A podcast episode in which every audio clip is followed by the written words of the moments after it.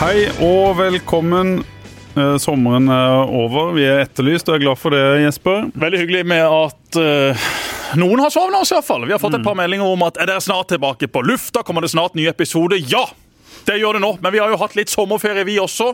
Du har vært uh, litt rundt forbi i Norge, for sånn måtte det jo bli. Hadde Sånn du noen utenlandsturer du måtte avlyse? Eh, nei, vi uh, var jo en tur Eller no, deler av familien var en tur i, i Danmark. Vi tok den uh, sjansen der. Noen angra på det. Jeg ble ikke med, for jeg ble sjuk dagen før vi skulle reise. Det var kanskje like greit, så slapp jeg å pådra meg noe der nede. Ellers så har vi vært på Sørlandet, altså. Det er jo, det, er jo det som hvorfor skal man reise noe annet sted når man bor på Sørlandet? Nei. Her var det en sånn halvveis juli. Eh, mye dårlig vær, mye turister. Ikke altfor mange varmegrader. Perfekt måned for de som starta padeltennissenter i slutten av juni. For da måtte jo folk inn og finne på noe. Så sånn sett så var det jo dette en perfekt juli. Så kom august. Ungene begynte i barnehage. Trine begynte å jobbe. Jeg fikk haia med meg et par kamerater på noen båtturer. Da kom virkelig sommeren her i siste uke. Da hadde jeg tre dager på rad. Først med Emanuelsen til Mandal. Så med Larsen til eh, Tømmerstø. Så med Rune Hægeland til Lindesnes. Nei, ikke Lindesnes. Lillesand. Så vi hadde noen fine båtturer sist uke. Og nå er vi tilbake, og for en nyhet! Ja. Som plutselig sprakk i går kveld. Det var du som sprakk den, da. Ja, sånn ble det. Eh, Christian Bolanius har jeg hatt eh, en del kontakt med egentlig helt siden han reiste fra byen og klubben. Han er glad i Start, han er glad i Kristiansand. Han er på vei mot å avslutte sin karriere. 36 år, har fortsatt eh, ting å gi han på dette nivået. Han eh, fikk eh, litt nyss i at eh, kanskje var på vei til Kristiansand. Sendte han bare en melding. Hei, Kristian. Eh, nå lander du. How do you know? I know everything. Yes, I know. og han gikk rett på limpinn. ikke sant? Jeg tok bare en sånn en halvsjanse og tenkte at nå skal jeg bare late som jeg vet det. Må bare liksom høre når han lander. Han gikk rett på, og da var jo egentlig nyheten ute. Og så fulgte jo flere opp eh, etter hvert, og han bekrefta det jo også sjøl. Og det er jo også Saprissa, og det er jo også starta. Ja, og det ble, Seneste festen rett før midnatt. Jeg skjønte at det ble et voldsomt kok ned på Costa Rica, rett og slett. For han er et veldig stort eh, navn. Leder Saprissa til seriegull bare for et par måneder siden. Hatt et eh, utrolig år der, eh, der nede. Så trykket ble så stort da når dette dette kom, ut, kom vel først på i noen costaricanske nettsider, og så slo du til der, og da måtte de bare gå ut med det, rett og slett? Ja, de måtte det. Eh, så det skal vi snakke mer om. Men først må vi introdusere Ja, vi må vår. Mm. eh, strålende gjest. Første gjest i denne sesongen, må vi få lov til å si.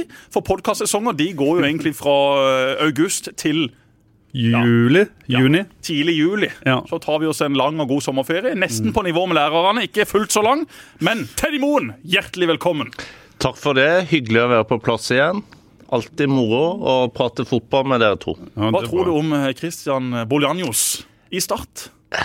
Nei, altså Porsjonell fotball det er jo mye sirkus her. Og det er mye forventninger, det er masse håp det handler om. Og det er klart at det er ofte hefta på spillere. Og med den historien, den opplevelsen du hadde av han sist gang her, så er det klart at det her skaper entusiasme rundt Start-prosjektet.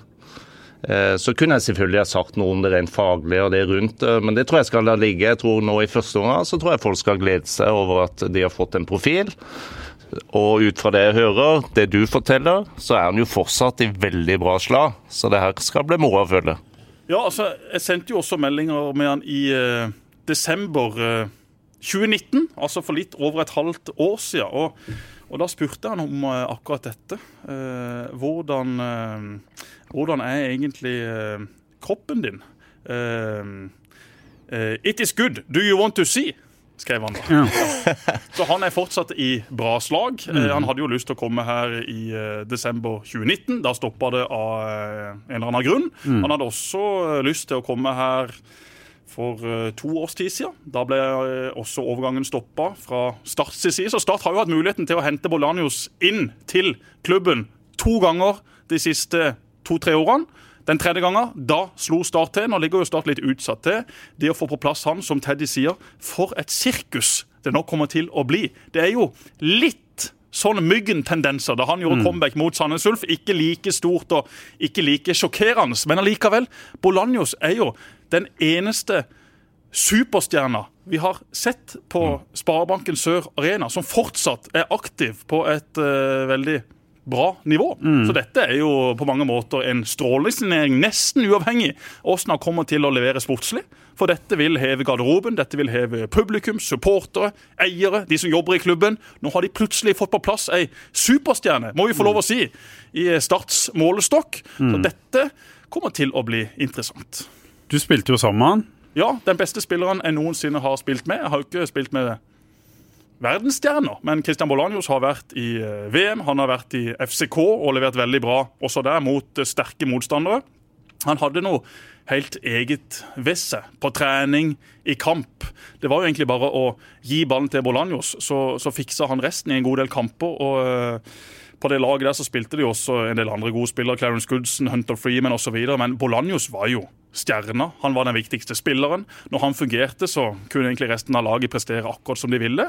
Og så husker vi jo kun de gode minnene med Bolanjos. Vi husker jo at han også hadde en del varierende kamper, at han ikke alltid var på jobb defensivt, at han måtte sitte på benken i noen kamper, at han eh, ikke alltid fulgte kantspillerne sin hjem, osv.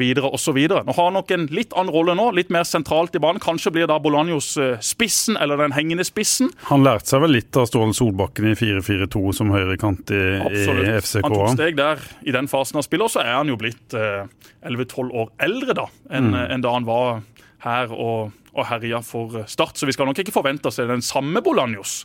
Men uh, han har fortsatt uh, foten sin, han har uh, teknikken sin, han har forståelsen sin. Og så har han kanskje utvikla dette med forståelsen og, og hvor han skal plassere seg i, i banen enda bedre enn enn sist han var og, og herja i Start. Kristiansand. Han herja vel også en del eh, utenfor uh, treningstid sammen med sin gode venn Branko. Så vi må bare holde Branko utafor Kristiansand by de neste månedene. Så er det jo noen som er litt eh, kritiske. Dere to er jo to kritiske røster som kan eh, som kan mene litt om både det ene og det andre, og se ting i et, et større bilde. Det er økonomi her. Start sliter økonomisk. De henter en, en spiller, de har henta flere etter at, at spillerne godtok eh, lønnskutt i en hvilken som helst annen eh, bedrift, så ville jo det vært uhørt. Og så sier du, eh, Teddy, at fotballen er sirkus. Det er det OK å, å gjøre det?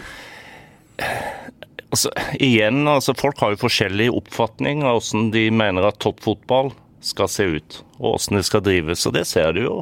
Altså, du, du ser jo nå, nå er finalen i Champions League klar, og du har sett flere av lagene her har jo på en måte, er jo understøtta av regimer du helst ikke vil ha noe med å gjøre. Men fans og folk aksepterer det. Det er en del av sirkuset, ikke sant.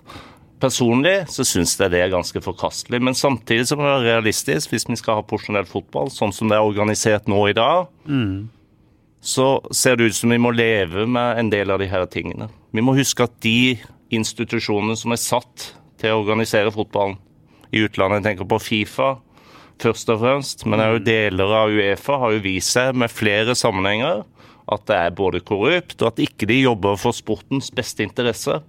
De verdiene som er i sporten, blir ikke ivaretatt av de her. Og det er problematisk. Veldig problematisk.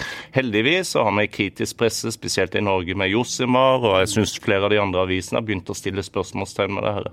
Men til syvende og sist så er det fansen som bestemmer. Fansen har utrolig mye makt, ikke sant, men de bruker den sjelden. De legger seg stort sett etter det klubbene vil, og så betaler de gladelig her. Men jeg tror jo kanskje det som har skjedd under korona nå, mindre folk på tribunen osv., vil gjøre at det kan skje et paradigmeskifte, kanskje, i profesjonell fotball, der vi kanskje kan se en renere sport framover. Jesper, du eh, gikk jo ut på Twitter en melding en, del har reagert på, eh, der du sier at Start er i deep shit, og hvis de rykker ned, så er de finito, eller et ord eh, du brukte. Hvordan ser du en sånn eh, henting av Bolanjos inn i, inn i det bildet?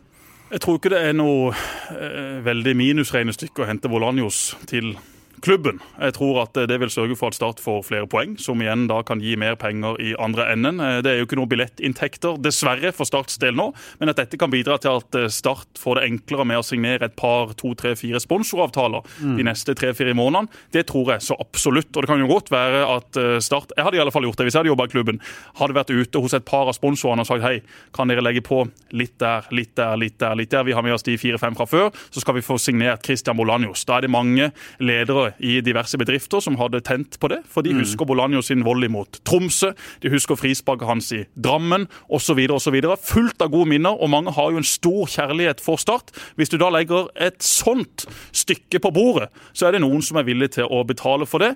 Jeg vet ikke om det har skjedd, men jeg tror ikke Start i dette tilfellet har brukt så veldig mange penger som de ikke vil få igjen. Her er det jo egentlig gjort en eh, investering som jeg tror vil gi både poeng og penger inn i andre enden. Så akkurat denne casen er jo en no-brainer, og det har jo jeg vært eh, klar på i, ganske lang tid. Kan man få henta Bolanjos til start? Bare hent han! Mm. Ja, han skal tjene litt uh, kronasjer, for han er fortsatt en spiller med et stort navn. Men de pengene er det verdt å bruke på nesten uavhengig av hvor mye han kommer til å spille. For han kommer til å skape så mye føss og annet sirkus rundt en klubb som har slitt med det i veldig lang tid. Men De sa jo i en sak tidligere på dagen til det tæring etter, etter Ja, og det er klart det at det, det, er jo vanskelig av og til å se noen linje i det som gjøres. Mm. og Start er jo ikke alene om det. Altså, Veldig mange klubber i Norge og i utlandet drives veldig mye fram av populisme. Mm. Ikke sant? Eiere og ledere i klubbene har ikke så god greie på det de holder på med, det må være ærlig på. Altså, De vet ikke så mye om hva porsjonell fotball og god klubbdrift er.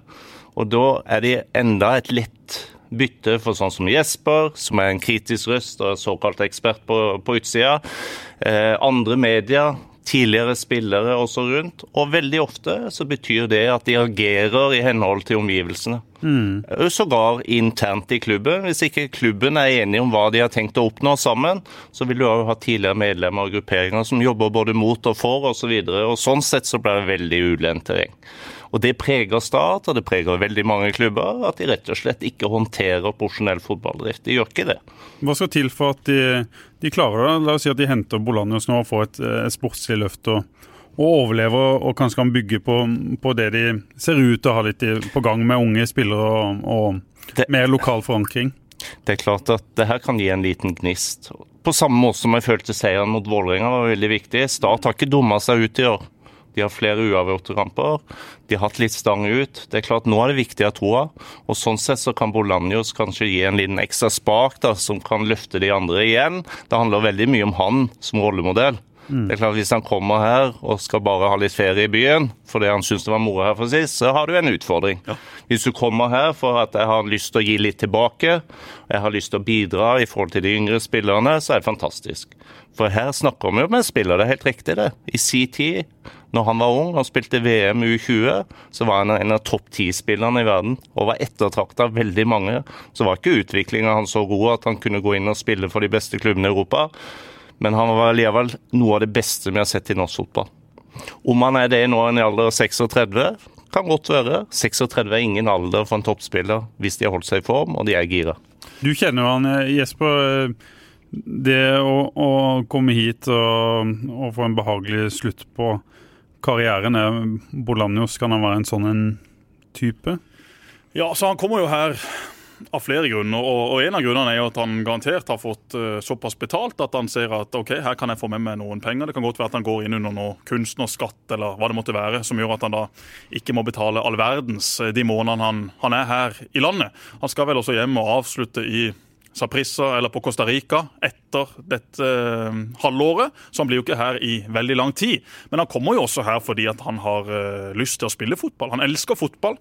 Du ser jo det på hele han når han er i eh, garderoben, på treningsfeltet, ute i kamp. Han hadde jo aldri blitt den spilleren han har blitt hvis ikke dette var noe han virkelig elska.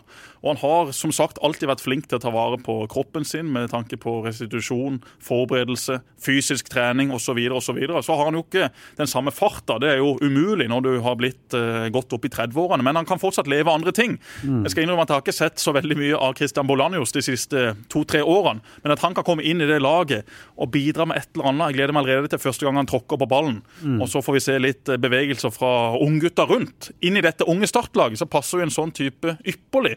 Og Derfor var det på tide at nå Start tok den sjansen de har hatt flere ganger, til å hente den store stjerna fra Costa Rica opp igjen til Norges Costa Rica. Teddy? Jo da, eh, jeg gleder meg. Ja. Det må jeg si. Men Start, det gjør jeg alltid. Start virker sjokkert og overraska. De luxe da den nyheten sprakk i går. For Hvordan kan du hente Christian Bolanjos hjem til Start, hjem til Kristiansand, og så er du ikke forberedt på å sitte hands on på det sjøl? Hvorfor har du ikke skaffa en video fra Christian som sier hei, gutter og jenter i Kristiansand, jeg kommer tilbake, jeg skal redde plassen for Start. De må jo være litt i forkant. Over midnatt ble det innkalt til pressekonferanse. Klokka fem i dag! Klokka fem i dag! Og Bolanjos han sitter jo nede på Costa Rica. De kunne jo hatt den samtalen med han når som helst og spilt inn en bitte liten video. Tenk da hvordan de internett hadde kokt. de ble jo tatt på senga, og han gikk vel og la seg sånn i sikkert eh, seks-sju drag i dag morges når det ble kveld i, Costa Rica, og sov vel til femtida ettermiddag. Så det, det var vel noe med timinga her som Jo, men du kunne jo spilt inn noe, da. ikke sant? Ja, Jeg, jeg satt jo og teksta med Bolanjos i hele går kveld. Fikk vite når han skulle komme på Kjevik, og så ble nok det endra litt, osv. Han kommer jo fra Costa Rica, må jo opp hit, sitte da i ti dagers karantene. Og så kan han eh, forhåpentligvis eh, spille sin første kamp hjemme mot KBK rundt 20. september, eller et eller annet sånt. 20. september er riktig. Jeg forstår eh, at det er mange sider av det her for å skape interesse. Altså Det her gjør seg selv, men det er klart det jeg er mest nysgjerrig på, det er jo spilleren Bolanjo. Hvordan de kan utnytte han innenfor laget. For det er klart, du har jo sett mange ganger at spillere som har vært gode spillere, norske har kommet hjem. Utenlandske spillere som har kommet. Vi hadde jo Rio Coca her for et par år siden, som jeg mener var en veldig bra spiller. Som Ja, i sin du- tid. Ja, i, Ja. kanskje i sin tid. Han var jo for Kanskje- dårlig trent. ja, altså igjen, det er vanskelig å svare på. Men, Jeg har jo en sånn robotgressklipper i hagen, Ja, den går fortere ja. enn Nigel Rio Coke. Ja, ja, jeg Løp rundt på kunstgress. ja, jeg registrerte at du var kritisk, men jeg følte med såpass mye at det handler jo litt om hva slags rolle du gis i laget. Skjønner du? Og det er klart at det her er et lag som sliter litt med ryggen mot veggen her. Start forsvarer seg en del, ligger nedpå. Bolanjos er jo mer en spiller som du i utgangspunktet har glede av når du er i angrep. Hvordan klarer Joey og co. liksom å få den her balansen? Her har vi en free spirit som ikke er kanskje Jeg vet ikke hvordan lagorganiseringa og taktikk og system er på Costa Rica, men altså Har du råd til å ha en ren ving ikke sant, som kun, eh, kun løper når han har ballen i beina? Jeg vet ikke. Det er de tingene jeg er veldig spent på å se hvordan det her eh, vil håndtere. Det Alt det andre rundt, Ja, det, det, tror jeg er veldig bra. For, for du sa det i Pålsted at uh, Teddy kan være kritisk til Start, og jeg kan være kritisk til Start. Ja, jeg kan være kritisk, og jeg kan være positiv. Jeg er iallfall ærlig. Altfor mange folk i og rundt en klubb som Start er alltid positive. De tør ikke si hva de mener. De er redd for de som styrer, de som sitter på pengene, de som eh, om et år eller to til skal bestemme hvem som skal jobbe i klubben. Men det er jo fordi eh, en grunn til det er jo at klubben nå ikke De tar ikke det imot med åpne armer. I hvert fall ikke sånn som jeg har opplevd det. Den klubben, Hvis det kommer kritikk, så liker de det fryktelig dårlig. De vil jo at uh, vi, f.eks. Fedlandsvennen, nå må dere skrive noe positivt og ha den holdninga, mens andre klubber opplever jo som at Jeg har aldri skjønt hva som er farlig med å være ærlig rundt en fotballklubb som Start. Skal Start komme seg opp og fram igjen, og skal det bli noe engasjement, så er det jo avhengig av at folk faktisk tør å si hva de mener. Det kan ikke være et diktatur hvor all kritikk bare blir møtt med hånlig latter og snakk internt, og så er det aldri noen som tør å gjøre noe med det eksternt. I går også, når det da er fra sikre kilder fra Bolanios sjøl, fra Saprissa, fra min Twitter-konto opp i Arnfeldts 5, at han skal til klubben, så sier fortsatt staten nei. Vi kommenterer ikke spill og logistikk. Altså, For et fryktelig kjedelig svar! Du må jo si noe! Spekulasjoner var ordet de, de brukte. Ja, men du må jo si noe. Melding. Ja. Det her er jo ikke Det er ikke spekulasjoner. spekulasjoner, det er jo bankers. Og da kan du i alle fall si Vi kommenterer ikke spill og logistikk, men det hadde jo vært gøy å se Christian Bolanjos på Sparemarken Sør Arena igjen. Bare si et eller annet! Ja, ja, ja. Skape litt gnist! Jeg kan ikke fatte og begripe hvorfor det skal være så A4, så grått, så kjedelig! Vi må jo bjuda litt på! Skal vi få fyrt opp de som går i starttøy, de som går uten starttøy, men de som bryr seg om klubben. Det må være litt brød og sirkus, som de sier her rett borte hos Nordea. Jeg har vært hos andre banker også. Der er det grått og trist og kjedelig. Men i noen bransjer, på noen kontorer, der er det brød og sirkus. Der må Start også komme tilbake. Noen passer ikke til å være det, men du må ha noen som tar på seg den oppgaven når det trengs. Du signerer altså Jesus til Start igjen. Da må det være enda mer fyr og flamme. Det må være litt mer iscenesatt. Det må være bedre planlagt, og så må man utnytte det enda bedre. Det mener jeg i alle fall jeg, og det er jeg ærlig på. Ja. Og Det syns jeg er veldig bra, for det er det noe Star trenger, og fotballklubber lokalt trenger, så er det engasjement. Altså folk som bryr seg, på godt og vondt. Og det har vi jo sett de siste åra, at engasjementet rundt Start har falt, ikke sant. Og det er farlig.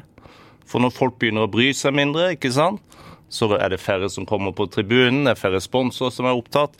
Så du må ha en åpenhet i enhver klubb, ikke sant. Men for at du skal ha det, så må du selvfølgelig de som er i klubben være trygge, og de må vite hva de driver med, og de må vite hvordan de skal kommunisere ting. Og det, så det, det kanskje har resultater i tillegg? Det, ja, selvfølgelig. Det, det gjør henger sammen med, de gjør det alltid mye historien. lettere. Det er klart du, er, du, blir mye mer negativ når du sliter. Mm. Men da må du kanskje se på hvordan du kommuniserer ting. Mm. Jeg syns at et av de store problemene med profesjonelle klubber i Norge, det er at de overselger produktet sitt. Mm. Altså, Du må finne en balanse mellom det å skape forventninger og det som er realistisk mulig å levere. Mm. Hvis du hvert år ikke leverer, du river lista, for å bruke et friidrettsuttrykk, hver gang, ja, så mister du tro, folk troa på det. da. Mm. Og da ja, og nå kommer de med det igjen. Er det her verdt nå? Nei. Jo, men du kan også uttale et ganske kjedelig mål på en underholdende måte. Ja. ja. det er jo åssen du selger inn et budskap. Jeg får også veldig mange meldinger fra eh, diverse folk som er glad i Start, som uh, for så vidt også har uh, noen ting som er involvert i Start. Når jeg da er ute og snakker om at Ja, hva med økonomien til klubben, da? Ja. Er det noen som kan lese aksjekursen til GIG? Hvor stammer disse eierne fra?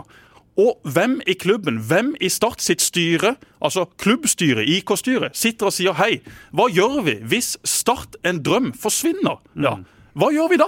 Jeg tror ikke det skjer nå. Jeg tror ikke det skjer om et år eller to. Men det kan jo skje. Du vet aldri. Men er det noen i styret, er det noen i klubben som tør å ta den kampen? Som reiser seg opp og sier hallo, hva gjør vi hvis disse gutta forsvinner? Hva slags vei skal da klubben gå? Hva er da igjen av klubben? Junioravdelinga er sendt til Don. Man har litt junior igjen i klubben på G16, G19 osv. Men hva skal Start være hvis alt går til helvete? For med et nedrykk så kan alt gå til helvete. Det er ikke sikkert at det gjør det, men veldig mange ting kan skje. Korona kan vare i to-tre år til. Hva har det å si for fotballklubber? Hva har det å si for bedrifter? Ja, ja. det har vi vært innom eh, før, og det har vi jo diskutert. Men jeg vil gjerne legge til noe, for jeg føler veldig ofte at fotballklubber blir redusert til et spørsmål om du er i elitedivisjon eller ikke. Mm. En fotballklubb må være mye, mye mer enn det. Altså, Det er en institusjon. Start er en av de sterkeste institusjonene vi har i landsdelen. her. En av de sterkeste merkevarene.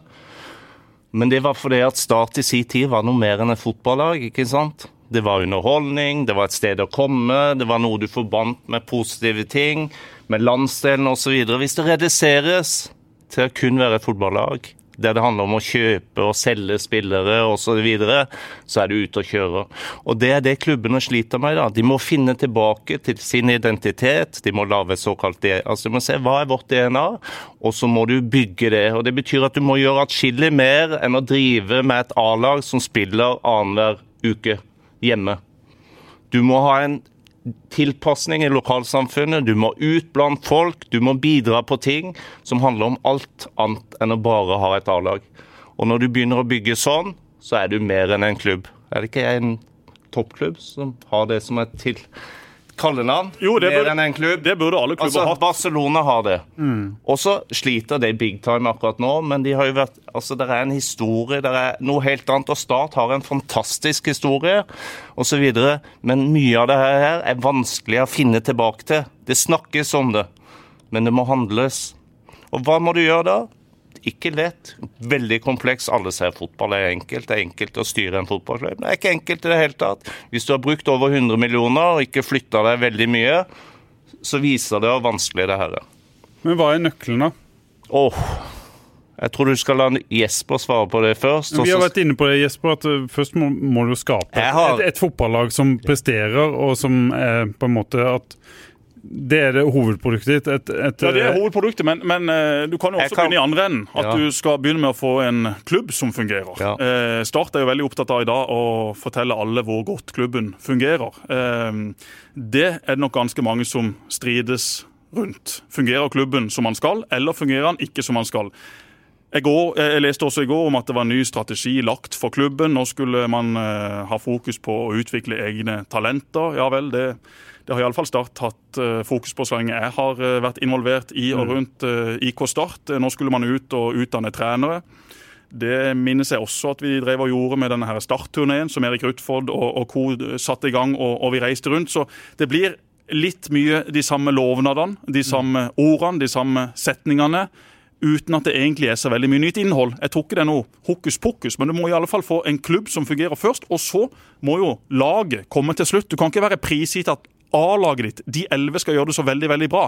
Det er så utrolig mye tilfeldigheter i en dommeravgjørelse, i en overgang, i et leddbånd som ryker, og så har du en spiller ute i ti måneder som egentlig da var den store stjerna di.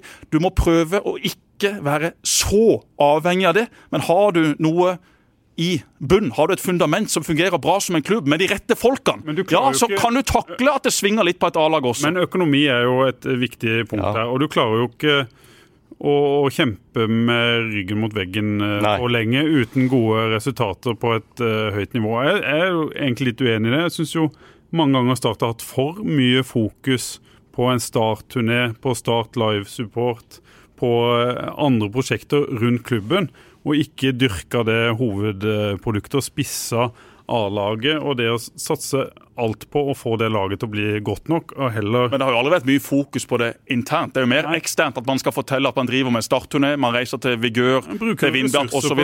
Jo, hvor mye ressurser bruker man på det? En spiller fra en A-stall må sammen med de andre spillerne i garderoben bruke én ettermiddag i løpet av 30 dager. Det er ikke i min bok mye ressurser. Nei, jeg tenker på kompetanse. Hva slags kompetanse har du i klubben til å, å kunne løfte et lag, utvikle spillere og få det til å bli et stabilt uh, eliteserielag. For det må jo, eh, i hvert fall i, i, min bok, være eh, det første du skal gjøre i en fotballklubb.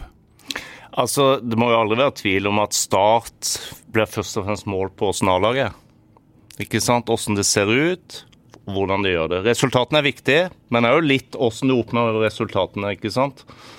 Altså Noen ganger så vil du bare ha lokale spillere, andre ganger så vil du bare kjøpe. Og Vi har jo vært gjennom de siste fire åra alle strategier.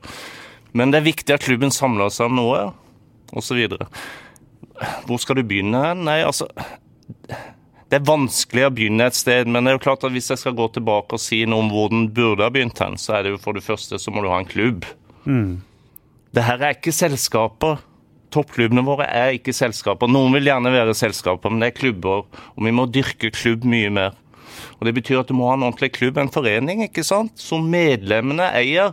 Det er medlemmene som eier det. Men for Starts tilfelle så burde hele landsdelen vært med å eie og være medlemmer. Jeg vet ikke hvor mange medlemmer de har, 200-300 kanskje. Det burde jo være tusenvis av medlemmer. Og det ser jeg litt på den tyske modellen. ikke sant? Borussia Mönchengladbach har jeg vært i. Der bor vel en par hundre tusen, 300 000 kanskje. De har 150 000 medlemmer. Bare det så ligger det en solid plattform, ikke sant? fordi de er med og eier klubben. Men jeg syns at mye av det som er feil, det er at det er ikke startere, folk som kjenner klubben gjennom tid, som over tid har tatt vare på klubben, historie og hatt de sentrale rollene. Det har vært spillere innom, men jeg føler at klubben har svikta veldig i forhold til å utvikle gode nok ledere av de som har spilt. Pengene styrer? Nei, jeg sier ikke nødvendigvis det. Men er det ikke sånn det har vært de siste 15-20 åra? At de med, de med penger fra Erik Soler til Ravnås Jo, det kan du godt si, men hvis jeg går tilbake til de åra jeg var der, jeg var jo fem-seks år på begynnelsen av 90-tallet, og vi var blant de fem beste klubbene i landet hvert år, var det. Fra 91 eller 90-91, mm. ikke sant. Hvor er alle de spillerne som spilte de åra hen? Hvorfor er ikke de sentrale roller i klubben og, og, og har ansvaret? Se igjen uten sammenligning, se på Bayern München. Bare gamle spillere. Nå sitter med det Rummenigge, som er, eh, daglig leder i klubben, for å si det sånn. Hvorfor er ikke de? Og det er det jeg mener de forrige lederne svikta her. Mm. For de hadde ingen plan for å utdanne de her spillerne. For det er de spillerne der burde ha vært utdanna til å ta over og ha lederposisjon i klubben. De har hjertet i klubben, de kjenner klubben, de kjenner profesjonell fotball, og de burde ha tatt de rollene. Og hvis du ser i dag, så er det jo veldig mange av de her spillerne som har ledende, gode jobber rundt om i næringsliv og i foreningsliv. Hvem, tenker du på? Nei, altså Ja, en av deres eiere, Øyvind Klausen. Administrerende direktør i Agderposten god spiller på Start på 90-tallet. Tror aldri han har hatt noe verv i Start, han det. Men en av de mest fremtredende lederne i landsdelen vår.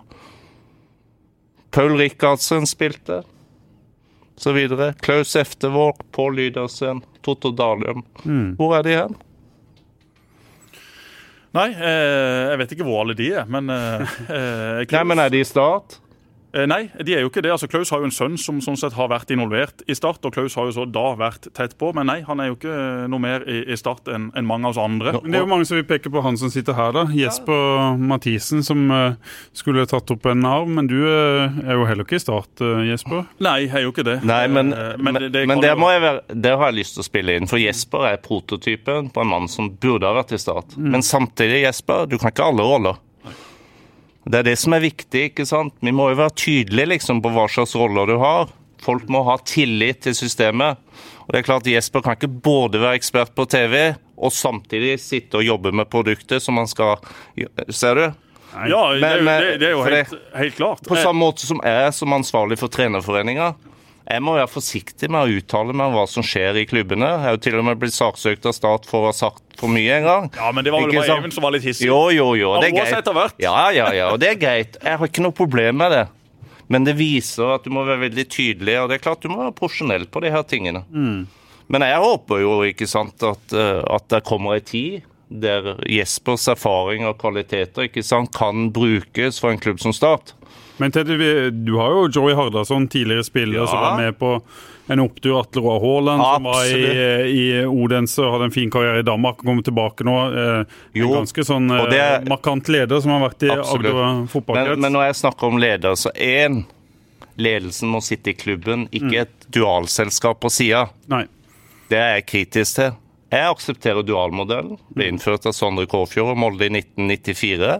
Det var rett og slett fordi Røkke og Gjelsten gjerne ville kjøpe Molde.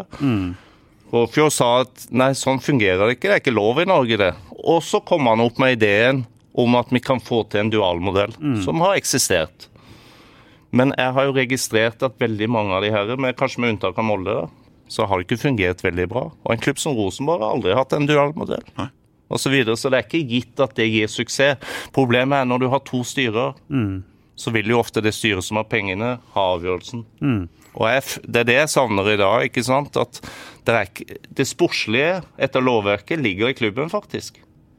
Derfor reagerer jeg veldig sterkt at når uttalelser som går på sport, kommer fra selskapet, for det er direkte ulovlig etter lovverket. Og det ser veldig rart ut. Og det er ikke mange som sier noe om det, for de som har pengene, må få lov til å styre. Men for meg så er det uryddig. Ja, men, og Det er jo mitt poeng, Ja. Teddy. Og det har jeg sagt også før. De som sitter i styret med pengene, bestemmer alt. Sånn er det bare. Og sånn vil det også være. Det jeg igjen savner, da, er jo at noen i det andre styret reiser seg opp og sier høyt og tydelig er dette riktig? Er det riktig at noen uten noe som helst kompetanse rundt fotball skal stå og forklare og fortelle om det i avisa? Det ser helt totalt merkelig ut for meg. Hvis noen i klubben skal ut og fortelle om sportslige strategier, så er det jo Atle Roar som har det Teddy etterlyser. Har vært en leder på banen, bor i Byen bor faktisk 200 meter fra Kristiansand eh, stadion og Sparebanken Sør Arena. Har et stort navn på Sørlandet, går hjem hos de aller aller fleste. Han må jo være mer fremtredende i den rollen, om han skal ha den rollen. Atle Roar har masse å komme med. Han savner jeg. Trer fram og svarer på disse spørsmålene. Ikke at det skal være en daglig leder som ikke er i nærheten av å være eh, kompetent nok rundt akkurat dette, eller Starts styreleder i Start en drøm. Der må de som har kompetanse på området, være enda mer fremtredende. Da blir det også langt mer troverdig. Enig. Ja, altså, selvfølgelig så er det. Altså, fagfolka må være de du spør og uttaler seg. Og igjen så må du ha det her veldig tydelig i klubben. Det er klart at alt det som skjer rundt A-laget og prestasjonene til A-laget, det må være kobla til hovedtrener. Det er hans uttalelser. Der ser vi jo ofte sportssjefen blander seg inn og begynner å uttale seg. Daglig leder sågar. Jeg syns det er en uting. Men igjen, hvis treneren aksepterer det, ja, så, så er det kanskje greit. Jeg syns ikke det er greit. Det kan være deler av dette Jo, jo, men, og men, men da, som jeg noen sier, av tingene går inn i hverandre. Men Poenget er følgende, det er at alt som handler om sportslige strategier, veivalg, sportsplan osv., det må være forankra i IK Start. For det er de som eier det. Alt det som går på økonomi, drift, rettighetsproblematikk, media osv., det ligger i driftsselskapet. Og såkalt så kan styreleder, eller eventuelt daglig leder i det, fortelle om det. At nå har vi så og så mye folk på stadion, vi vil gjerne selge noen flere billetter osv., for det ligger der. Men når det er snakk om at nå skal vi ha en ny trener eller vurdere treneren, så ligger det i oss da. Det ligger ikke Og det, noen ser det er filleting. Ja, men- Nei, det er ikke filleting, for det handler om hva slags kultur og hva slags driftsform som har. Profesjonalitet heter det. Og dette går jo igjen i alle bransjer. Hvis Mm. noen på desken i TV 2 ringer meg og spør hei, kan du si noe om eh, Real Madrid og Barcelona som skal spille i kveld, så sier jeg nei. Det kan jeg ikke. Jeg kan godt si noe, men dette kan ikke jeg nok om. Da må du ringe til Simen, da. Eller til Mina, eller hva det måtte være, som kan mer om dette enn meg. Men er det noe om norsk fotball, ja, ring meg ti av ti ganger. Da kan du ringe til meg. Men det går jo på akkurat det samme i en fotballklubb. Noen må uttale seg om økonomi, noen må uttale seg om drift, noen må uttale seg om sport. Og de som skal uttale seg om sport, må jo vite hva de prater om. Hvis ikke så ser de ut som en stor fisk på et tørt land. Og det skjer dessverre altfor ofte, ikke bare i Start, men også i andre klubber rundt forbi i Norge. Vi må snakke litt om din gjerning og Teddy. ja. ikke så mange eh, treneravganger Nei. nå som det var en eh, periode. Nei, Har du statistikk på det? ja, altså jeg har jo statistikk på det, og det er jo klart at tallene er jo gått ned. Altså Hvis vi går tilbake til de åra, rundt midt, altså 2005 til 2007-2008, når økonomien virkelig var på det aller, aller beste, så var det atskillig flere bytter av trenere. Det jo, handler jo om økonomi. Og det er jo ofte underkommunisert hvor store kostnader det er forbundet med å skifte trener. Og den vurderinga gjør klubbene mye oftere nå enn de måtte før, for nå er det litt mer tæring etter næring. Er du alltid involvert? Nei, nei, ikke alltid. F.eks. den saken med Horneland nå i Rosenborg, der han valgte å gå etter tre kamper, eh, var ikke jeg involvert i i det hele tatt. Mens jeg og trenerforeninga var involvert i den saken i Brann, som gjaldt Lars eh, Arne Nilsen. Så ikke alltid. Fortell litt om, om din rolle. Leder for trenerforeninga. Eh, Ja. tre, trenerforeninga er et interesseorgan Ja, ja. for norske fotballtrenere. Ja, og jeg er jo daglig leder, og har vært Ja. det nesten i 20 år. da. Og det er en interesseorganisasjon for trenere på alle nivåer. Litt over 3000 medlemmer. Alle topptrenerne med få unntak er medlem her. Eh, og et av de tingene vi driver med, det er et såkalt fagforeningsarbeid. Altså Vi prøver å hjelpe trenerne med å inngå OK kontrakter. Veldig ofte så hjelper vi trenerne ut av kontraktene hvis det er trøbbel. Det er ting, sånn som i år, så har det vært mye problematikk rundt permittering. Veldig mange trenere har vært permittert, som i andre bransjer. Og det er jo totalt ukjent for de fleste trenere. Det er jo kanskje kun industriarbeidere i Norge som vet hva permittering er. Trenere har ikke visst om det. Der har det vært veldig mye spørsmål. Og innimellom så har jeg jo tatt opp med arbeidsgiver og klubber hvorvidt permitteringer er gyldig. For husk det at det er ikke alltid det er grunnlag for permitteringer. Det er nok en del klubber i Norge som har sett en mulighet for å permittere. Ikke fordi behovet er til stede der og da, men kanskje som en forsikring for å sikre seg litt i framtida eh, under dårlige forhold. Så er det noen som har, har lest om det at du har vært eh sjuk. Ja. Det kom en, eh, en eh, sak for eh, ja, et par år Ja. siden. Teddy Moen har fått, eh, fått uh, kreft, men du sitter nå her Ja, og ser ja, ganske ja. vital ut. Ja, ja, ja, og jeg er fin som bare det. Jeg er ikke helt kvitt kreften, det er jeg ikke, men jeg er tilbake 100 i jobb og trener godt og elsker det jeg holder på med, ikke sant, og det hjelper godt det. Du må være optimistisk og positiv. Du må det. Og hvis du er det, så tror jeg du får veldig mye. Og så vil jeg gi masse ros til de som har fulgt meg opp. Spesielt Kreftsenteret i Kristiansand med Svein Mjåland og co. har gjort en superjobb med å ta vare på meg. Radiumhospitalet, Rikshospitalet. Vi lever i et utrolig godt land. Vi har et helsevesen som er de luxe. Så jeg har ingenting å klage over. Jeg har ikke det. Jeg er veldig takknemlig for at jeg får lov til å drive med det jeg har lyst til, og leve et helt normalt liv, selv om jeg har litt kreft i kroppen. Men hvordan eh, Det å få en sånn en type beskjed Nå er det jo lenge siden, og ting endrer seg jo litt underveis. Gikk du, gikk du i kjelleren? Nei, jeg vil ikke si jeg gikk i kjelleren, men det er litt mørkt noen dager. Du syns litt synd på deg sjøl. Men du syns veldig ofte mye mer synd på deg rundt deg. Altså Én ting er deg sjøl, men du begynner å tenke på konsekvensene av deg rundt deg. Det er det du gjør først. Så jeg valgte en sånn enkel strategi som jeg tror veldig mange egentlig burde tenke på. Det er å være åpen og ærlig, ikke sant. Ikke prøve å liksom dekke til noe og si hva det er, og, og, men samtidig ikke gi håp, ikke sant. Veldig ofte så forbinder folk med kreft med veldig alvorlig sykdom og utfall, død, ikke sant. Det er jo ikke alltid det. Altså for mi, I mitt tilfelle så lever jeg godt nå, og håper jeg skal leve godt i mange år til. Eh, og går ikke rundt og bekymrer meg for det, altså. Jeg gjør ikke det, altså. Så jeg sitter her og hører på det, Jesper, du som, som har gjort eh, dine erfaringer, hatt dine erfaringer med, med Nei, det, en det er vond jo sykdom. eh, Det er jo fantastisk at eh, Teddy har uh, kommet seg tilbake igjen der vi aller helst vil ha han. Han er interessert i uh, fotball, og han er engasjert når han begynner å prate. Når han først begynner å prate, så er han like vanskelig å stoppe som meg.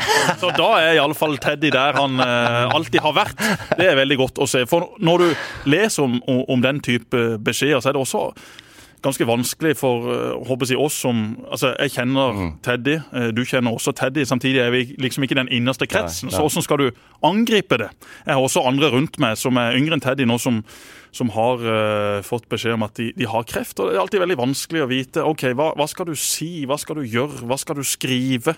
Uh, jeg tror jo i, i de tilfellene at uh, det aldri er noe maksgrense for, for hva du kan skrive, si eller gjør. Du må jo bare egentlig lesse på, så får jo heller mottakeren prøve å sortere ut det som er nyttig, og det som ikke er nyttig. Men det er jo stort sett positive ting. Pappa røyk eh, ganske kjapt, et halvt år etter at han fikk beskjeden, mm. så han hadde jo egentlig aldri noen Nei noen sjanse, men jeg må bare støtte meg til det Teddy sier, selv om ikke han hadde noen sjanse, og selv om det skjedde ting underveis i den prosessen som ikke var helt bra fra Helse-Norges side, så var det ikke Kreftsenteret. Det var absolutt ikke Svein Mjåland. Svein Mjåland er jo en stor Start-supporter. Han sto på døra til Start en gang på 90-tallet, da Start var i ferd med å gå konkurs. Han sto der med et par hundre tusen kroner og sa 'jeg bidrar'. Pappa var veldig fornøyd da det da var Svein Mjåland som ble hans kreftlege på sykehus. Og det å ha den jobben som Svein Mjåland har, altså du er kreftlege på Sørlandets uh, sykehus. sitter der og prater med pasienter. Noen går det bra med, noen vet jo at hei, du er ferdig, men jeg må egentlig si det på en grei måte. Én ting er pasienten, som Teddy sier. Så kommer gjerne ungene inn etterpå. Og så skal du fortelle de det samme på en måte som gjør at ikke de går helt nedenom og hjem, men du må også prøve å, å så et lite håp. Altså De tingene der de har jeg så ufattelig stor beundring for. Jeg skulle ønske at jeg var kompetent nok og flink nok til å kunne jobbe med det. Vi sitter og snakker om fotball. Det er jo totalt uviktig om Christian Bolanjo skårer 40 mål, om han skårer null mål, om han brekker beinet på vei ned flytrappa på Kjevik. Det har jo ingenting å si om Start rykker opp eller ned, om det går 100 mill. pluss eller 100 mill. minus. Det har jo ingenting å si i denne sammenheng. De som jobber på Kreftsenteret, som sitter der og kan redde et liv. Tenk deg den følelsen, da. Når du feirer nyttår, så tenker du, vet du hva, i år har jeg redda 26 menneskeliv. Ja, noen røyk. Men det var kanskje ikke noe jeg kunne gjøre med det. Jeg redda i alle fall disse livene, og det må jo gi så ufattelig med mening. Svein Mjåland og alle dere andre som jobber på sykehuset. Dere hører sikkert ikke på denne podkasten, men jøss, for en flott gjeng.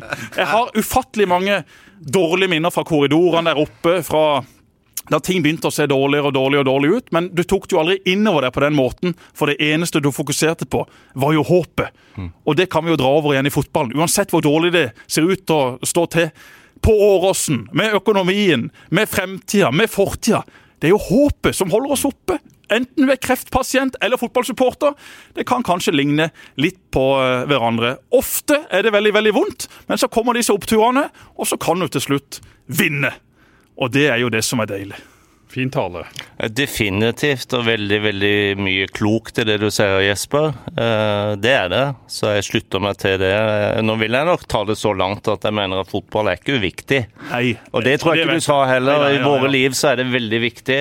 Mm. Men jeg jeg er ikke nødvendigvis den største fanen. Jeg setter meg ikke ned og ser de store kampene på TV. og Jeg ser ikke alle startkamper heller, men sporten i seg sjøl Altså Den betydninga fotballen har i samfunnet vårt, den er jeg veldig opptatt av. Og jeg er veldig opptatt av de verdiene som ligger i sporten, og det prøver jeg å verne om. Og der ser jeg dessverre at vi går litt for mye i feil retning. Sånn at min jobb er ja Men Gjør det at du får en sånn aversjon mot ja, fotballen? I hvert fall mye av den porsjonelle fotballen og toppfotballen. For jeg syns det er altfor mange av de tingene som på en måte preger sporten i dag, Jeg er ikke i tråd med det jeg hadde håpet. Men igjen, porsjonell fotball er en del av en helt annen industri enn det som utvikling, barne- og ungdomsfotball og breddefotball er. Mm. Så du kan på en måte ikke bare skjære alt av. Altså, du må ta det for det det er. ikke sant? Det er en del av underholdningsindustrien. Det er en del av gamblingindustrien. Det er en del av masse andre industrier du helst ikke har lyst til å assosiere deg med. Det jeg syns av og til at det er fansen. Altså, det er som du sier, altså, I Stat så burde medlemmer og engasjerte folk hevde sin mening.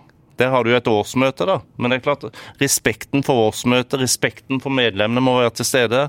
Men den respekten må medlemmene sjøl skaffe seg. Hvis de bare lar seg tråkke over, som de har gjort i alle år, og bare aksepterer at folk kommer inn fra sida, gjør det på sin måte, og bare sier gjør om jeg vil med en klubb som ble stifta i 1905, som har 120 års historie, gjør hva jeg vil.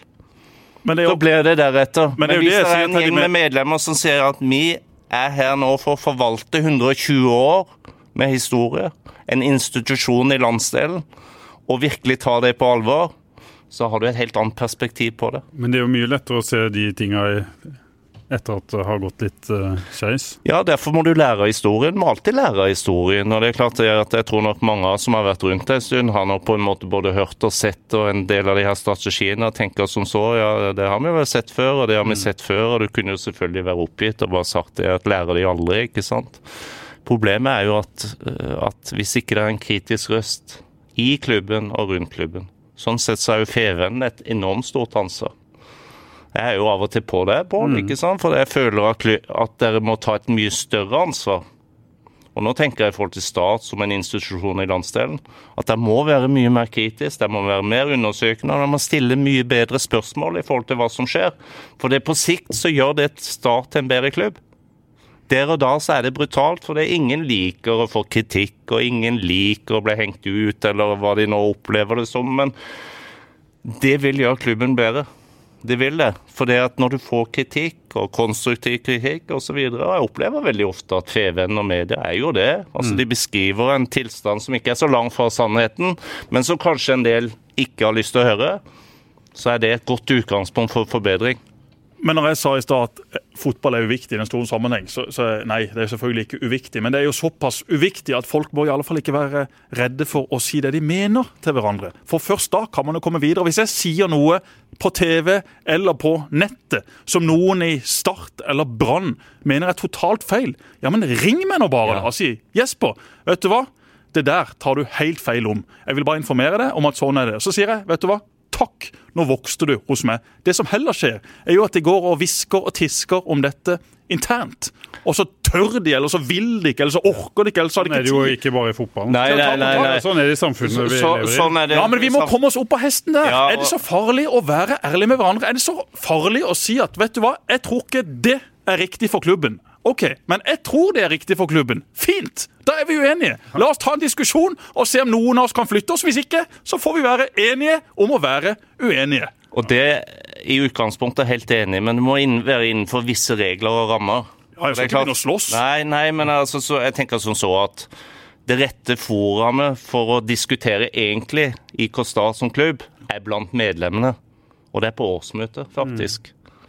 Men når årsmøtet blir redusert til noe som vi må gjøre fordi lovverket sier det, istedenfor at det er faktisk den viktigste plassen, der må vi ha debatt, der må vi ha diskusjon, og så må vi ha masse små årsmøter, så er, vi, så er det veldig, veldig vanskelig. Men du får, jeg er det helt enig. Men du altså- får det vel ikke tilbake til der det var? Nei, nei, det- da, da må et eller annet, noen regler Ja, endres? Nei, reg reglene er der. Det er bare det at det er ingen det er ingen systemer innenfor idretten i dag som Hvis ikke de har et påtale... det finnes jo ikke engasjement der ute heller for Nei. en gjeng eh, ressurssterke eller smarte 30-40-åringer å gå inn i, i klubben og si at nå skal vi ta kontroll, for det kunne de i prinsippet gjort. Nei, og det er jo fordi at Helt sikkert av mange grunner. For det første så tror jeg det er veldig mange som har lyst til å betakke seg for å gjøre en sånn jobb, fordi de ser det er vanskelig. Mm. De mener at du må ha masse penger hvis du skal få til noe. Noe som jeg mener er myte. Altså, det er ikke Ja, ja. penger i seg sjøl. Penger er kjempebra som et utgangspunkt, men hvis ikke du vet helt hvordan du skal bruke de, og de gjerne brenner i lomma, så har du en problem. Så er Det er jo- sterke, det er- sterke altså- eldre garder rundt disse klubbene som er, så- sånn som du sier, som har en del medlemmer, så er jo gjennomsnittsalderen ofte over 60 år. Ja, ja, det er, og det er blitt sånn, for det er, kanskje, det, kanskje er romantisk. romantisk. Kanskje prøver jeg å se tilbake til en annen tid. Samtidig så tror jeg det her er faktisk framtida hvis mange av klubbene skal overleve. Fordi at én, det, det kommer ikke til å bli lov til å drive toppfotball i Norge, i hvert fall framover, som egne bedrifter. Det ble nedstemt til luxe, ikke på det forrige fotballtinget, men for halvannet år siden. AS. Det er eh, ingen en AS-modell. Ja, en AS-modell som Start håpte på, ikke sant. Det ble jobba fram det. Det kunne kanskje bli en prøvekanin her Mm. på slutten av Evens tid, ikke sant. Det ble det budt nei til. Det er ingen miljøer i norsk fotball i dag som er interessert i å endre lovverket for det. Så det betyr at du må forholde deg til dualmodellen, og den kan fungere, den. Men da må det være en gjensidig respekt, og du må finne en arbeidsform som gjør det her eh, på, som veldig få klubber egentlig får til.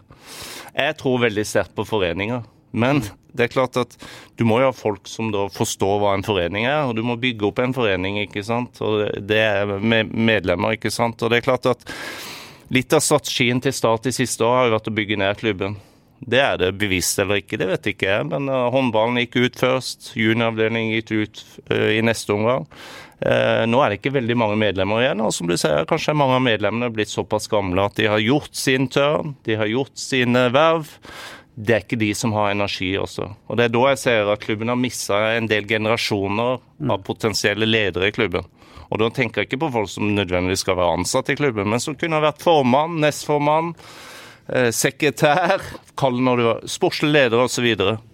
Som virkelig hadde sagt at her har vi 120 år, her har vi en historie, vi har ambisjoner om å være blant de beste klubbene i Norge. Vi har lyst til å ha en lokal profil på det. Vi skal utvikle spillere, vi skal spille makkeren fotball, kall nå hva du vil. Men at de i hvert fall verner om det, og at vi holder det. Og så må du ha strategier som virker over tid. Jeg sier ikke det er lett, jeg gjør ikke det. Og jeg sier som Jesper, det er ikke sikkert jeg har rett. Men jeg forbeholder meg retten til å mene noe. Og det er poenget. Hvis ikke du kan gjøre det. Altså, vi og Jesper Vi er ikke uvenner men vi har divergerende synspunkter på veldig mye ting. Og det er ikke så farlig. Hva, hva kalte du det? Ja, Divergerende motsetninger. For nå, nå ble du ja, for mye ja, trenerforeningsspråk. Ja, ja, ja. Poenget er at jeg hører Jesper av og til på TV, og så mener jeg det der er helt feil. Det du ser der, er helt, helt I min verden er helt feil. Men jeg vet du har en rolle, og du har synspunkter på det, og det er greit. Og i et demokrati med ytringsfrihet, så skal vi ha det. Ja, problemet vi, må jo, at, vi må jo smøre på litt! Jo, men problemet er jo at men du får jo aldri diskutert uten at Pål inviterer oss her. Fordi du må ha møteplasser for debatt. Forum? Ja, ja, du må ha forum. Og som jeg sier, Jesper, du ble sannsynligvis invitert til Menn om stat i statmiljøet. Nei, nei. Nei, nei. Det er mange år siden jeg ble invitert til Menn om statmiljø. Ja, nei, jeg, har, jeg, jeg, har vært jeg, tar ikke det personlig. Jeg tar ikke det personlig. Jeg er jo ikke medlem i klubben, så sånn sett så er jeg ikke berettiget til det heller. Men jeg håper jo at de som er medlemmer, ikke sant, uh, har følelser for klubben og, har, og ikke er redd for å, å, på en måte stå opp. Og Jeg har jo registrert at noen få medlemmer har, har veldig tydelige meninger om logoen, f.eks. Som er en viktig del av en klubb. ikke sant? Men jeg opplevde jo det at, at mange av de ble holdt nede. Mm. Og det er uheldig. Vi snakka for det, blant annet her på fotballradioen. Ja. Yes, vi må, vi må, snart uh, runde av. Vi må, bare et lite punkt uh, først. Korona og, og barnefotball. Uh, Teddy, du er jo trener av ja. opprinnelig. Fotballtrener. Er det noe du ønsker å, å, drive med igjen? Er du rundt, eller er du en kontorrotte som sitter og, og pleier trenere i, i det langstrakte landet vårt? Dessverre litt for mye av det siste. Mm. Altså, Jeg må innrømme det. Jeg hadde stor glede av å reise til Arendal her om dagen på skytebanen. Mm. Med Vetle Andersen, en av de mest meritterte Det er ikke grus der lenger? Nei, det er ikke grus der lenger. Det, når jeg spilte, var det grus, og det var is om vinteren. Mm. Du er jo vokst opp i nabolaget, Pål, så du kan alt om det. Det er ikke meningen å være uhøflig, men jeg tror faktisk dere må avslutte nå med denne praten om barnefotball. Ja. For nå er klokka ett over tre, okay. og Jens, som da er rett over et år, han skal egentlig hente senest tre. Men vi tar Teddy inn en annen, da, og så bare stopper vi der. Ja, nei, Det var, det var ikke meninga sånn, men jeg, bare, altså, jeg, må ta vare på Trine. Vi snakka om det før sending. Hvis jeg mister Trine, sånn da blir jeg også fisk på land. altså. Ja, ja. ja da er det men, men vi sier tusen takk, da.